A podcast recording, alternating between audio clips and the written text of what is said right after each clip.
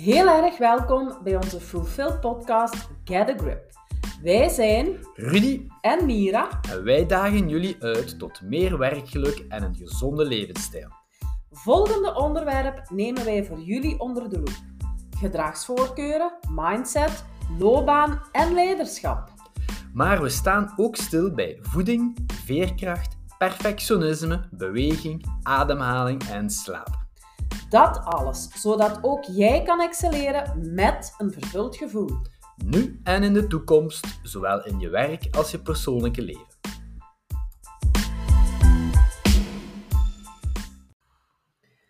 Welkom op deze nieuwe aflevering in onze podcastreeks. En vandaag ga ik het hebben over niet minder dan de polyvagaaltheorie.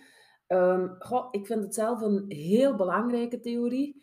Um, het heeft voor mij ja, wel wat opgeleverd eigenlijk en wel wat dingen veranderd in mijn leven eigenlijk toch ook wel. En um, ik ben er voor het eerst mee in contact gekomen toen ik uh, de opleiding hardcoherentie volgde bij Louis van Nieuwland. En ik ben me er sindsdien alleen maar verder in gaan verdiepen. En wat ik vooral belangrijk vond in die uh, ontdekkingstocht, is dat ik eigenlijk ja, een heel uh, wetenschappelijke achtergrond erin gevonden heb, die verklaart waarom dat het zo belangrijk is dat we leren luisteren naar dat lijf van ons. Hè. En uh, die polyvagaaltheorie, ik heb die ook meegenomen uh, in, in, uh, in mijn boek Get a Grip. En het vormt eigenlijk een beetje de baseline van de hoofdstukken die erin voorkomen. Hè. Ik, uh, ik beschrijf vier hoofdstukken en een eerste hoofdstuk is grip krijgen op je veerkracht. Ja, daar is de polyvagaaltheorie eigenlijk wel heel erg belangrijk in, omdat dat eigenlijk ook al aangeeft wat we moeten doen als we willen werken aan veerkracht. En ik vond het ook uh, een geweldige theorie, omdat ik van daaruit eigenlijk de vertaalslag kon maken naar de werkplek. Want wat ik vandaag zie op die werkplek, is dat ja, het, het verstand en het rationele krijgt daar heel veel aandacht, maar eigenlijk het lijf en emoties, die we toch ook wel heel erg voelen in dat lijf, ja, die worden daar een beetje um, aan de kant geschoven, zeg maar. En nochtans is het vooral in die bedrijfswereld die, um, waar de nood aan wendbaarheid zo sterk zit. Dus die vertaling naar die um, werkcontext, ja, dat vond ik, dat vond ik echt uh, een, een, een verrijking voor mezelf ook. En de polyvagaaltheorie heeft dus een aantal um, ja, dingen bij mij toch wel in beweging gezet. En er zijn een aantal eye-openers die ik graag met jullie wil delen. Um, een eerste eye-opener is ja, eigenlijk de verklaring waarom we minstens evenveel aandacht moeten geven aan wat er in ons lichaam gebeurt dan wat ons hoofd ons vertelt. En die discrepantie tussen dat brein, zeg maar, en het zenuwstelsel, um, ja, dat is eigenlijk niks nieuw. Hè? Als we teruggaan in de geschiedenis, dan zien we eigenlijk al bij een van de grote filosofen, Descartes, dat die, dat die daar al zegt van, ja, um, het brein, daar moeten we ons op focussen, want dat, het, het, het, de geest, zoals hij het noemt, ja, dat is de verlichting. Dat is hetgeen dat ervoor zorgt dat we, dat we helder denken. Dat is hetgeen dat ervoor zorgt dat we um, iets maken van ons leven. Dat, dat, dat we vooruit geraken. Terwijl het lichaam, je ziet dat ook als twee aparte entiteiten. En hij zegt dat lichaam, ja, dat moeten we zoveel mogelijk zien te negeren. Dat is eigenlijk minder waard. Want dat zorgt alleen maar dat wij een verleiding komen en ons laten um, verlokken tot ja, zaken die ons leiden naar die verdoemenis. En je zou kunnen zeggen, een filosoof van hè, 17e eeuw, zoveel jaren, honderden jaren geleden, oké, maar eigenlijk, als we vandaag kijken naar hoe dat wij nog altijd kijken naar het brein en het lichaam, ja, dan blijft er eigenlijk nog altijd wel die gedachtegang overeind van we overheerlijken dat brein en we gaan eigenlijk dat lichaam ehm, als minder waardig beschouwen, of in elk geval, we geven het toch niet de aandacht die het zou moeten krijgen. En die polyvagaaltheorie laat eigenlijk zien van, kijk, het, het brein, hè, die alle, alle, moet ik zeggen, wetenschappelijke bevindingen en, en ook wel boeken die er geschreven zijn en tips die er gegeven worden rond brainologie en de werking van het brein, die zijn allemaal heel waardevol. Ik ga daar zeker geen afbreuk aan doen. Integendeel, ik maak er ook gebruik van. Maar het is geen of-verhaal. Het is niet of het brein of het lichaam. Nee, het is een en-verhaal. En het brein is er en al die, die um, sterktes van het brein zijn er ook. En we kunnen daar nog iets gaan aan toevoegen, want de polyvagaaltheorie geeft eigenlijk heel duidelijk aan, kijk, er is een tweerichtingsverkeer tussen het lichaam en de hersenen. En eigenlijk is dat niks nieuws, we weten dat. Hè? Want als we kijken hoe, hoe een mens ontstaat, hoe, hoe uh, ja, het, een foetus eigenlijk ontwikkelt, dan zien we dat dat brein ook uit, die, uit dat ruggenmerg um, zich verder ontwikkelt. Dus die twee die hangen gewoon weg aan elkaar en toch op een of andere manier, als we volwassen zijn, denken we dat we daar met twee aparte entiteiten te maken hebben. Dus twee richtingsverkeer, zegt uh, de polyvagaaltheorie. En um, wat me daar ook wel heel erg in getroffen heeft, is dat uh, Porge, Porges is eigenlijk de, de grondlegger van die polyvagaaltheorie, die zegt ook heel duidelijk van kijk, als je kijkt naar de processen en de boodschappen die gegeven worden in het lichaam, dat is aan de hand van neurotransmitters en dergelijke, wel, die boodschappen, 80% van de boodschappen gebeurt eigenlijk vanuit het lichaam, vanuit dat zenuwstelsel naar het brein en slechts 20% komen vanuit dat brein terug naar het uh, zenuwstelsel. Dus vandaar dat we toch echt niet meer kunnen zeggen, we gaan dat, dat lijf, we gaan dat lichaam, we gaan dat verwaarlozen en we gaan dat gewoon, we gaan die signalen die het ons geeft, we gaan dat gewoon allemaal uh, negeren, misschien zelfs wegduwen. En we gaan alleen aandacht geven aan ons verstand. Wel, nee, dat kunnen we niet meer doen. Zeker niet als je weet dat 80% van die boodschappen eigenlijk vanuit dat zenuwstelsel komen. Um, een tweede eye-opener die ik meenam vanuit die polyfagaaltheorie is dat um, er eigenlijk eenzelfde hiërarchische opbouw is als die waar men over spreekt als men het heeft over um, het brein. Bij het brein heb je wellicht al wel eens gehoord, en dat is een oversimplificatie, uiteraard, heb je wellicht wel eens gehoord over het reptiele brein, het zoogdierenbrein, het mensenbrein, of ook wel anders genoemd, het reptiele brein zou je ook het reflexbrein kunnen noemen, het zoogdierenbrein, het sociale brein, um, en het mensenbrein, het verstandsbrein. Ik ga daar in deze podcast niet dieper op in. Uh, wat ik wel wil doen, is de, de analogie leggen met het zenuwstelsel, waar dus Porges ook zegt van kijk, ook dat heeft een hiërarchische opbouw gekend doorheen de uh, evolutie. En goed om weten is dat, en dat weten we eigenlijk ook al wel allemaal, dat de veiligheid, veiligheid is een van de basisbehoeften van de mens. Hè. Het is, het is een, een kerneigenschap, zeg maar. We zijn continu op zoek naar die veiligheid. En ook ons zenuwstelsel is zo eigenlijk ontworpen. Hè? Safety first, dat is iets, ja, dat, dat is iets dat heel eigen is aan de mens.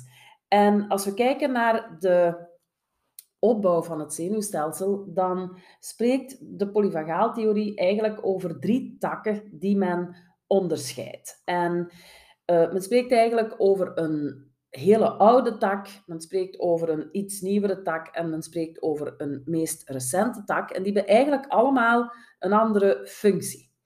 En Porges zegt dus dat de Het zenuwstelsel dat eigenlijk bij de levende wezens, en dan gaan we terug in de, helemaal terug in de tijd, en dan gaan we naar de uh, reptielen.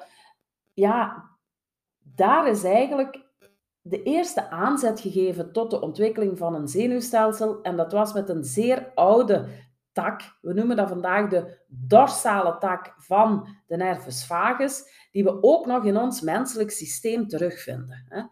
Waar bevindt hij zich? Wel, die ontspringt ergens in de hersenstam en dan gaat hij eigenlijk aan de achterkant van het lichaam, maar net voor de ruggengraat, gaat hij naar beneden en daar gaat hij zich ehm, connecteren met een aantal organen.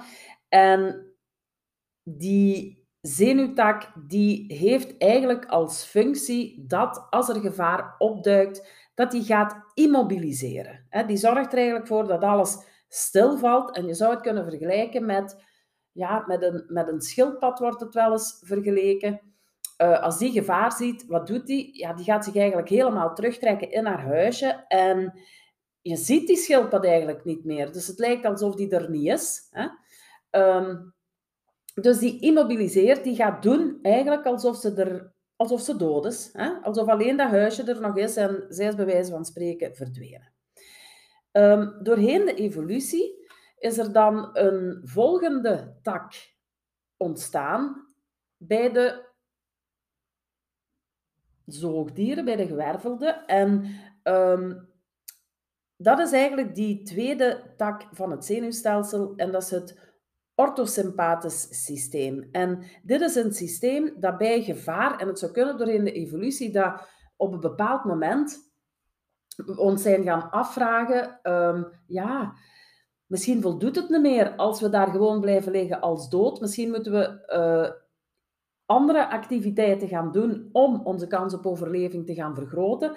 En dat orthosympathisch systeem, dat zorgt er dus voor dat wij ons wel kunnen gaan mobiliseren, dat we wel in actie kunnen gaan. Hè. Uh, wat maakt, jullie kennen dat wel, het vechten, het vluchtsysteem, wel, dat zit eigenlijk in die orthosympathische tak, die ook weer, want we hebben die natuurlijk ook in ons systeem nog zitten, die ontspringt in het achterhoofd en eigenlijk doorheen de, het ruggengraat, de ruggengraat, uh, zich ook weer gaat connecteren met allerlei organen in het lichaam. Want wellicht is het je ook niet vreemd als we bijvoorbeeld veel stress ervaren, ja, dat je daar echt wel fysiek ziek van kan worden. En dat wordt natuurlijk helemaal verklaard door het zenuwstelsel, omdat dat alles met alles verbindt. Hè. Onze organen zijn verbonden met dat zenuwstelsel. Dus is het helemaal niet zo raar eigenlijk dat ja, je van stress allerlei fysieke klachten kan krijgen. Als we dan nog verder kijken in de evolutie, dan zegt de polyvagaaltheorie, kijk, um, op een bepaald moment is er eigenlijk een nieuwste tak gekomen in het zenuwstelsel. En dat is eigenlijk een tak, we noemen die de uh, ventrale tak van de nervus vagus. En die tak, die gaat eigenlijk, die ontspringt ook in de hersenen, maar die gaat zich eigenlijk naar de voorkant richten, tot, tot aan ons middenrif. En die is ook wel een beetje zwevend. Hè? En um, die tak, die zorgt er eigenlijk voor dat wij streven naar, naar veiligheid. Um, naar verbinding. En doorheen de evolutie is er, is er nog iets extra gebeurd, wat heel belangrijk is. Die derde tak, die nieuwste tak, die zich eigenlijk gaan connecteren met een aantal hersenzenuwen en een aantal hersenspieren, waardoor wij ons echt gaan co-reguleren met anderen. Dus we gaan ons echt afstemmen op die anderen. We gaan ons daardoor ook verbinden en sociaal gedragen. Dus dat is eigenlijk een hele, hele uh, belangrijke tak. Dus die verschillende takken die zijn eigenlijk ontstaan op een hiërarchische manier, zou je kunnen zeggen, doorheen de tijd. Um, en wat zien we nu? Als we te maken krijgen met prikkels, als we te maken hebben met signalen van gevaar, dan gaat ons systeem die takken ook gaan activeren. Maar die gaat dat niet doen in de fase waarin dat ze zijn ontstaan, dus vanuit de oudste tak.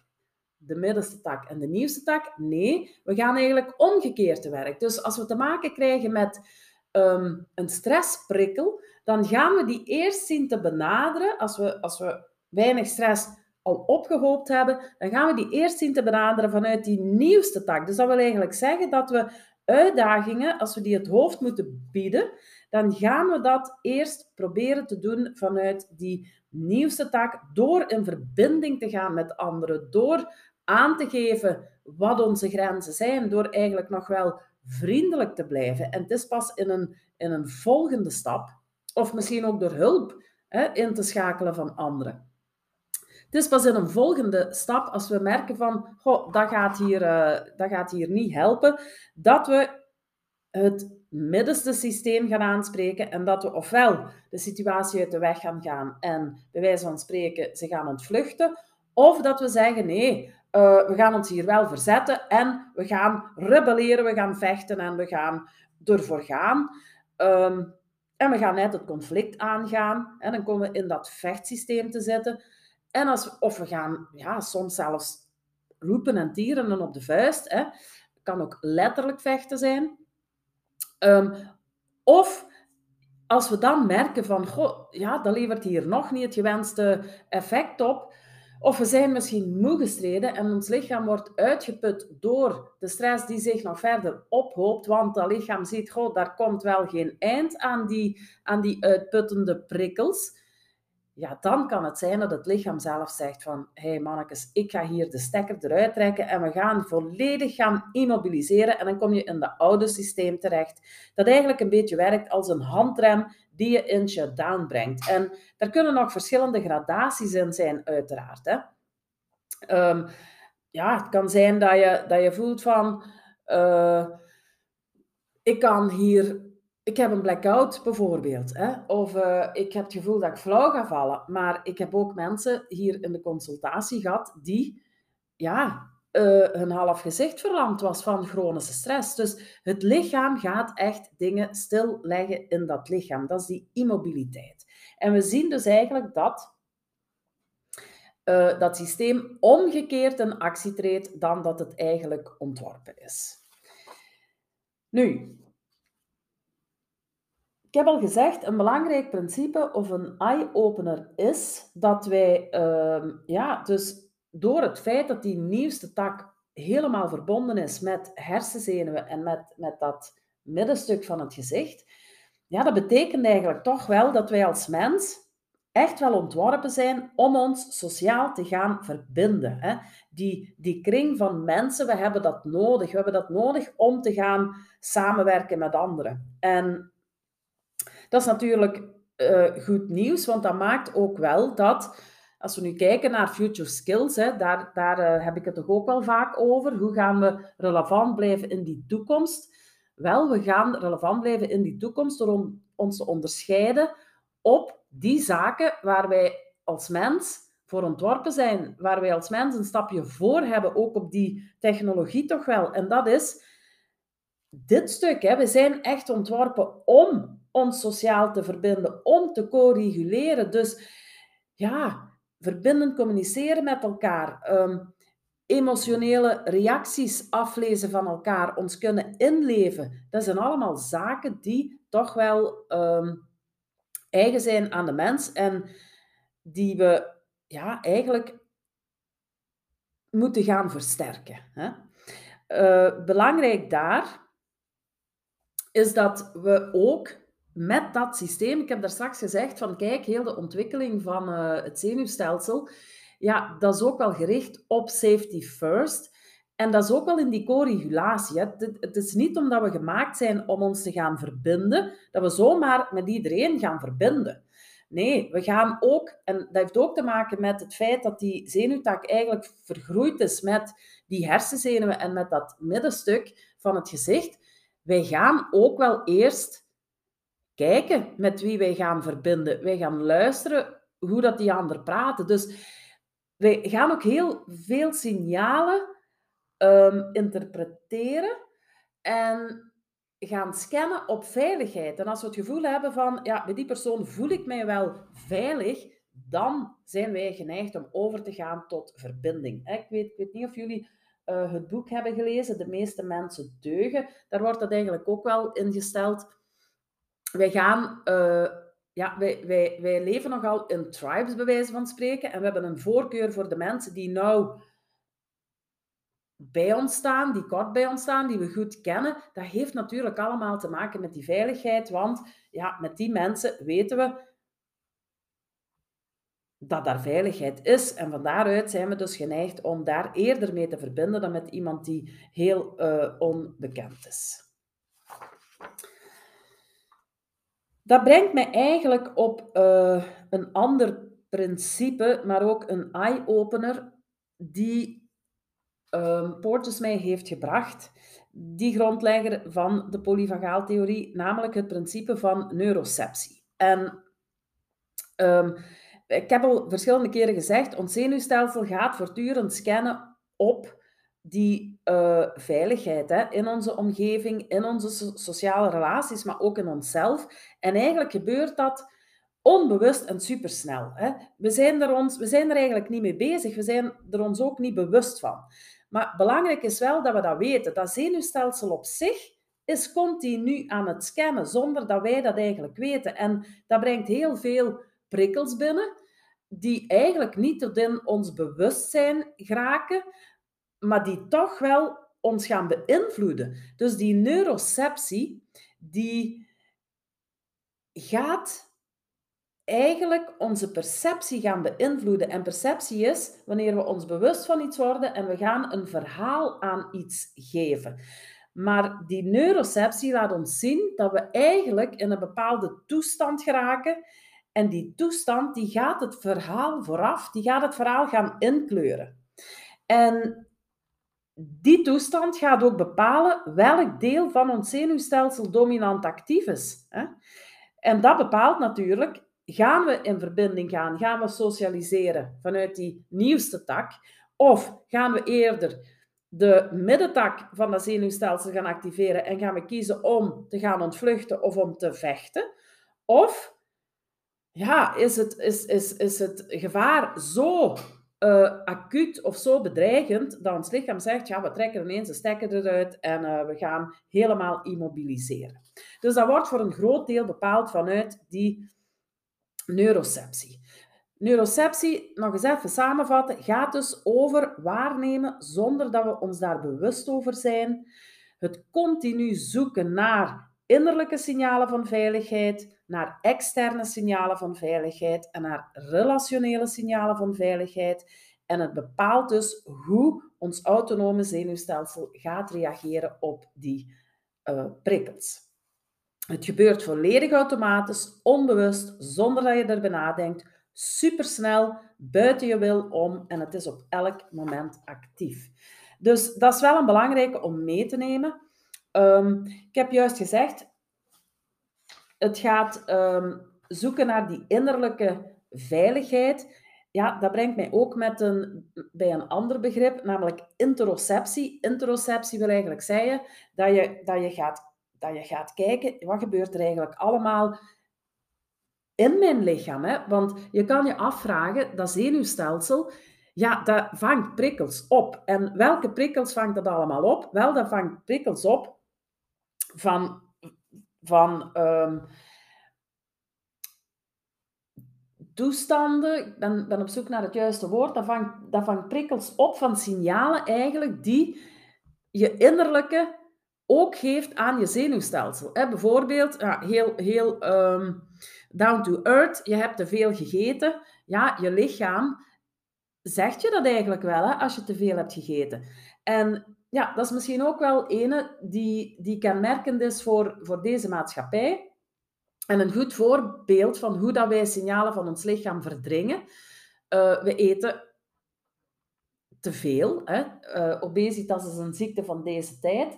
En ja, je zou kunnen zeggen, intuïtief eten bijvoorbeeld is iets wat nu weer heel hip is. Intuïtief eten gaat eigenlijk over niet meer dan luisteren naar je lichaam. Je lichaam vertelt je wat je nodig hebt. Je lichaam vertelt je of je nog wel zin hebt in een tweede praline, bij van spreken. Dus je lichaam vertelt je als je genoeg hebt gegeten, maar we zijn doorheen ja, het opgroeien dat een beetje verleert om te luisteren naar die signalen, die signalen die ook van binnen uitkomen. Dat is die interoceptie. Um, een tweede soort signalen die binnenkomen, zijn eigenlijk de signalen van buitenaf. Dat noemen we extero, exteroceptie. Zintuigen, ja, je kent de zintuigen wel. Hè. Uh, je voelt, je smaakt, je ziet, je hoort, je ruikt. Dat zijn allemaal zaken die eigenlijk van buitenaf op je binnenkomen. Dus zintuigelijk nemen we eigenlijk heel veel waar. En dan hebben we het ook al gehad over die neuroceptie. Dus die neuroceptie, dat continu scannen van het zenuwstelsel, vooraleer we eigenlijk um, die perceptie gaan vormen over wat er allemaal binnenkomt in dat systeem. Ja, nu kan je je natuurlijk afvragen, want bij perceptie weten we dat daar een bias kan opzitten. Hè? Het is niet omdat we een perceptie hebben van iets, dat dat de waarheid is. Want we kijken allemaal vanuit onze eigen waarheden en vanuit ons eigen uh, model van de wereld, zeg maar, zoals ze het zo mooi zeggen bij NLP. Ehm, maar neuroceptie, het is niet omdat we dat onbewust doen en dan dat, dat, dat, dat zenuwstelsel continu zit te scannen, dat dat zenuwstelsel ook altijd juist is. Hè? Dat, dat is misschien ook wel nog een belangrijke. Want dat heeft natuurlijk ook te maken met ehm, ja, wat je al allemaal hebt meegemaakt, toch wel uit in, in, in je, bij het opgroeien. Hè?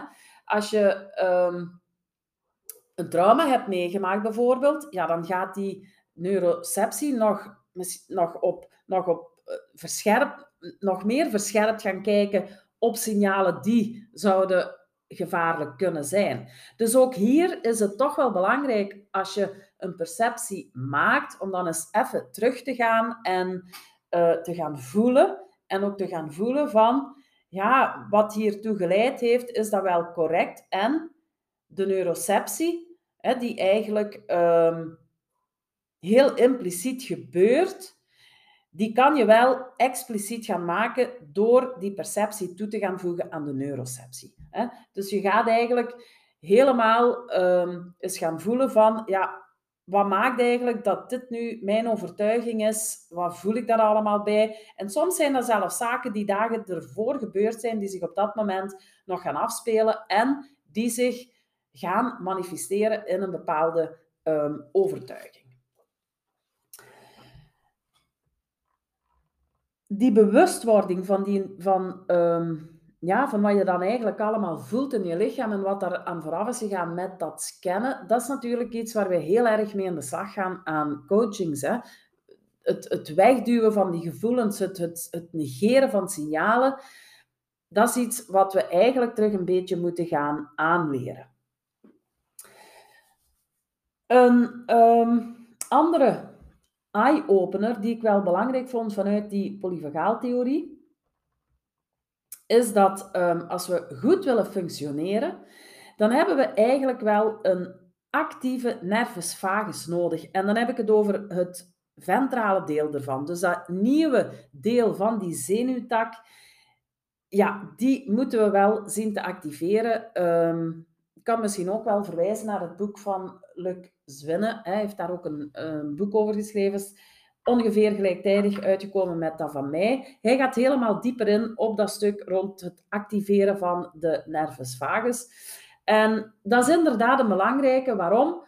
Omdat als die goed geactiveerd is, wel, dan werken lichaam en geest eigenlijk heel goed samen. En um, het mooie is dat we zelf die nervus vagus, we kunnen die reguleren. Het principe van zelfregulatie is eigenlijk ook een principe van die um, polyvagaaltheorie. En in mijn boek geef ik eigenlijk acht technieken die um, een hefboomwerking hebben op het activeren van die nervus vagus.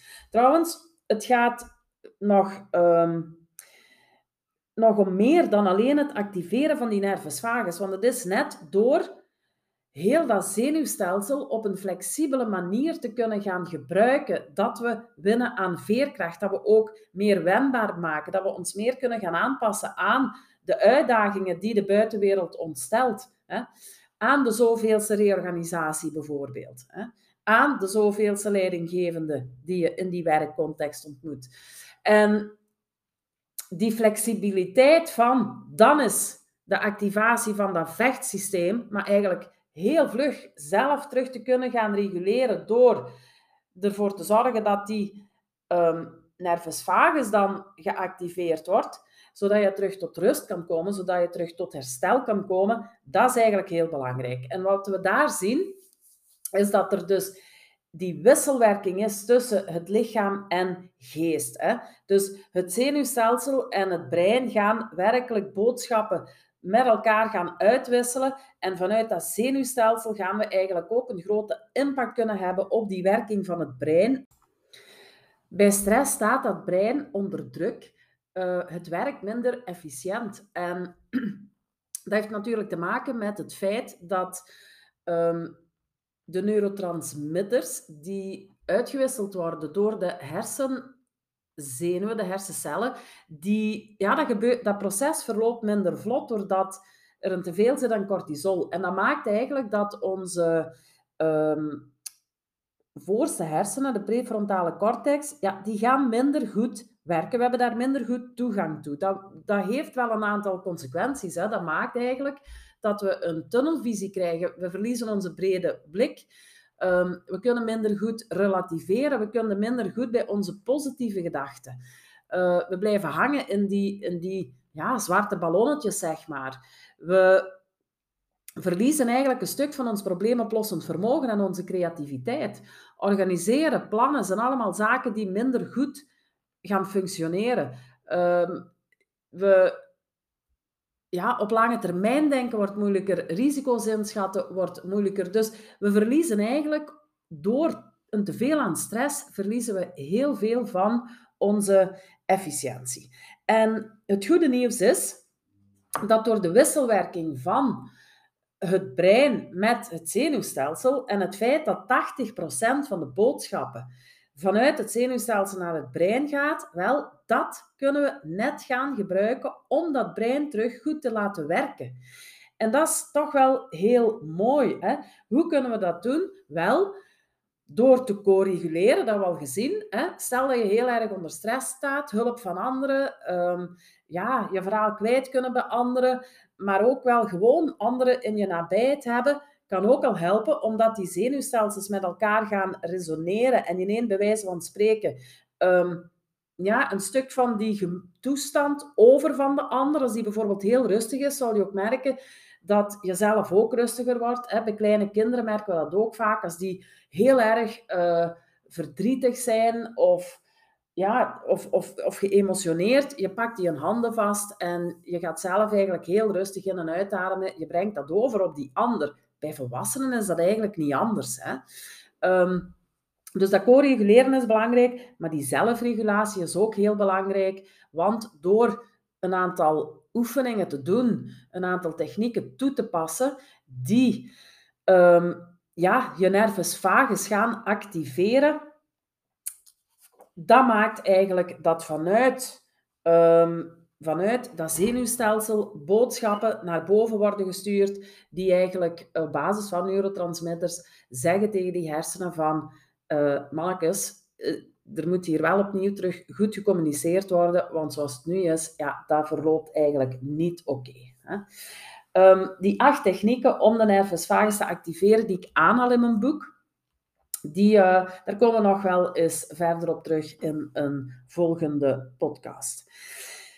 Wat ik nog um, wil meegeven in uh, deze aflevering is dat ik heb het gehad over het activeren van die nervus vagus, maar het gaat eigenlijk nog een stapje verder. Waarom? Omdat de, het nieuwste deel, wat we gemakkelijk halve de nervus vagus noemen, wat is eigenlijk het ventrale stuk, um, dat deel is heel belangrijk bij stressregulatie, om te komen tot dat herstel, um, maar ook wel om te komen tot bijvoorbeeld flow maar belangrijk is om uh, te weten dat die takken, hè, dat die allemaal ook wel hun plek verdienen. Het is niet omdat dat orthosympathisch deel bijvoorbeeld uh, dat aanzet tot actie, hè, dat, dat, dat, dat aanzet tot ik ga dingen gaan ontvluchten of ik ga uh, in een vechtmodus, ja, dat hoeft niet slecht te zijn. Hè, want, want net die taak zorgt er ook voor dat je s'morgens opstaat. Hè.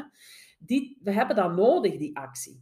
En wat heel belangrijk is, is dat we dat we weten dat die drie zenuwtakken, dat die niet elk afzonderlijk werken, maar dat er eigenlijk een mooi samenspel is. Er is een, een virtuoos samenspel, zeg maar, door die drie verschillende zenuwtakken. En daardoor brengen die ons ook in verschillende toestanden. En um, ik beschrijf eigenlijk zeven toestanden in het boek. En vandaar dat ik ook in het hoofdstuk over grip op werk de vertaalslag kan maken naar ja, wat hebben we eigenlijk nodig in die werkcontext en um, welke toestand willen we dan in die werkcontext en vooral ook wat hebben we daarvoor nodig om mensen in die toestand te brengen. Dus leidinggevenden hebben daar ook natuurlijk wel een rol in te pakken, niet alleen de werknemer, want er moet ook wel een klimaat zijn waarin het mogelijk is om dat zenuwstelsel in die bepaalde toestand te brengen. Um, nu, hier wil ik het vooral hebben over het feit dat er dus een samenspel is tussen die verschillende zenuwtakken en dat het net ook, als we het hebben over stressregulatie en veerkracht en wendbaarheid en je kunnen aanpassen aan nieuwe omstandigheden en uitdagingen het hoofd bieden, dat het dan vooral gaat over de flexibiliteit van die verschillende takken weten te gebruiken. En daartussen kunnen te reguleren, om eigenlijk vlot over te kunnen gaan van de ene toestand naar de andere toestand. Het is ja, helemaal niet erg dat je in een toestand van stress komt, zolang, zolang je er maar gemakkelijk terug uitgeraakt. Hè. Um, ik heb daar straks ook gezegd, die verschillende takken, ja, ze hebben allemaal wel hun voordeel. Hè. Zelfs de tak die ons immobiliseert, je zou kunnen zeggen, ja, er is niks positief aan uh, van de stress een half gezicht te hebben dat uitvalt. Nee, dat klopt. Maar het immobiliseren gebeurt bijvoorbeeld ook op het moment dat je heel een team bent. Dan gaat je lichaam eigenlijk ook gaan immobiliseren. Maar het gaat dat niet helemaal alleen doen. Het gaat dat doen samen met een andere zenuwtak die dan ook geactiveerd is. Dus vandaar dat het belangrijk is om te zien van, goh, die zenuwtakken staan niet op zichzelf, maar die, die, ja, die gaan wel samenspelen met anderen en daardoor ontstaan er bepaalde, uh, een bepaald samenspel. En wat wij leren vaak in coachings is om mensen die verschillende toestanden ook te leren herkennen. Hè? Waar zit ik nu in? In welke toestand? En is dat een toestand dan die op, dat, die op dit moment is aangewezen om in te zitten? Of heb ik nu eigenlijk nood aan een andere toestand? En hoe raak ik dan uit deze toestand om in die andere toestand te geraken? Of hoe kan ik ervoor zorgen dat ik in deze toestand, als die gewenst is, daar langer in te blijven? Zo, dat was uh, de podcast van uh, vandaag, waar ik jullie in een notendop verteld heb over de polyvagaaltheorie. Um, de polyvagaaltheorie die mij heel veel inzichten heeft gegeven en ja, die uh, toch wel ervoor zorgt dat ik regelmatig reflecteer over mijn eigen toestand en mijn eigen zenuwstelsel. Ik heb hier intussen ook een van onze reflectiekaartjes vast. Um, wie nogal geluisterd heeft naar podcasts, weet dat wij een uh, spel ook ontwikkeld hebben. Of een spel, het is eigenlijk een, een doosje met allemaal reflectiekaarten in, een kaartenset, zeg maar. En eentje daarvan is, ik activeer mijn nervus vagus elke dag. En dat is toch wel iets wat ik zelf probeer te doen. Um, ja, omdat ik heel erg toch wel aan de slag ga met die acht technieken die ik ook uh, meegeef. Zo, dus ik hoop dat ik jullie vandaag veel inzichten heb kunnen bijbrengen en ik kijk al uit naar de volgende podcast. En ik hoop jullie ook.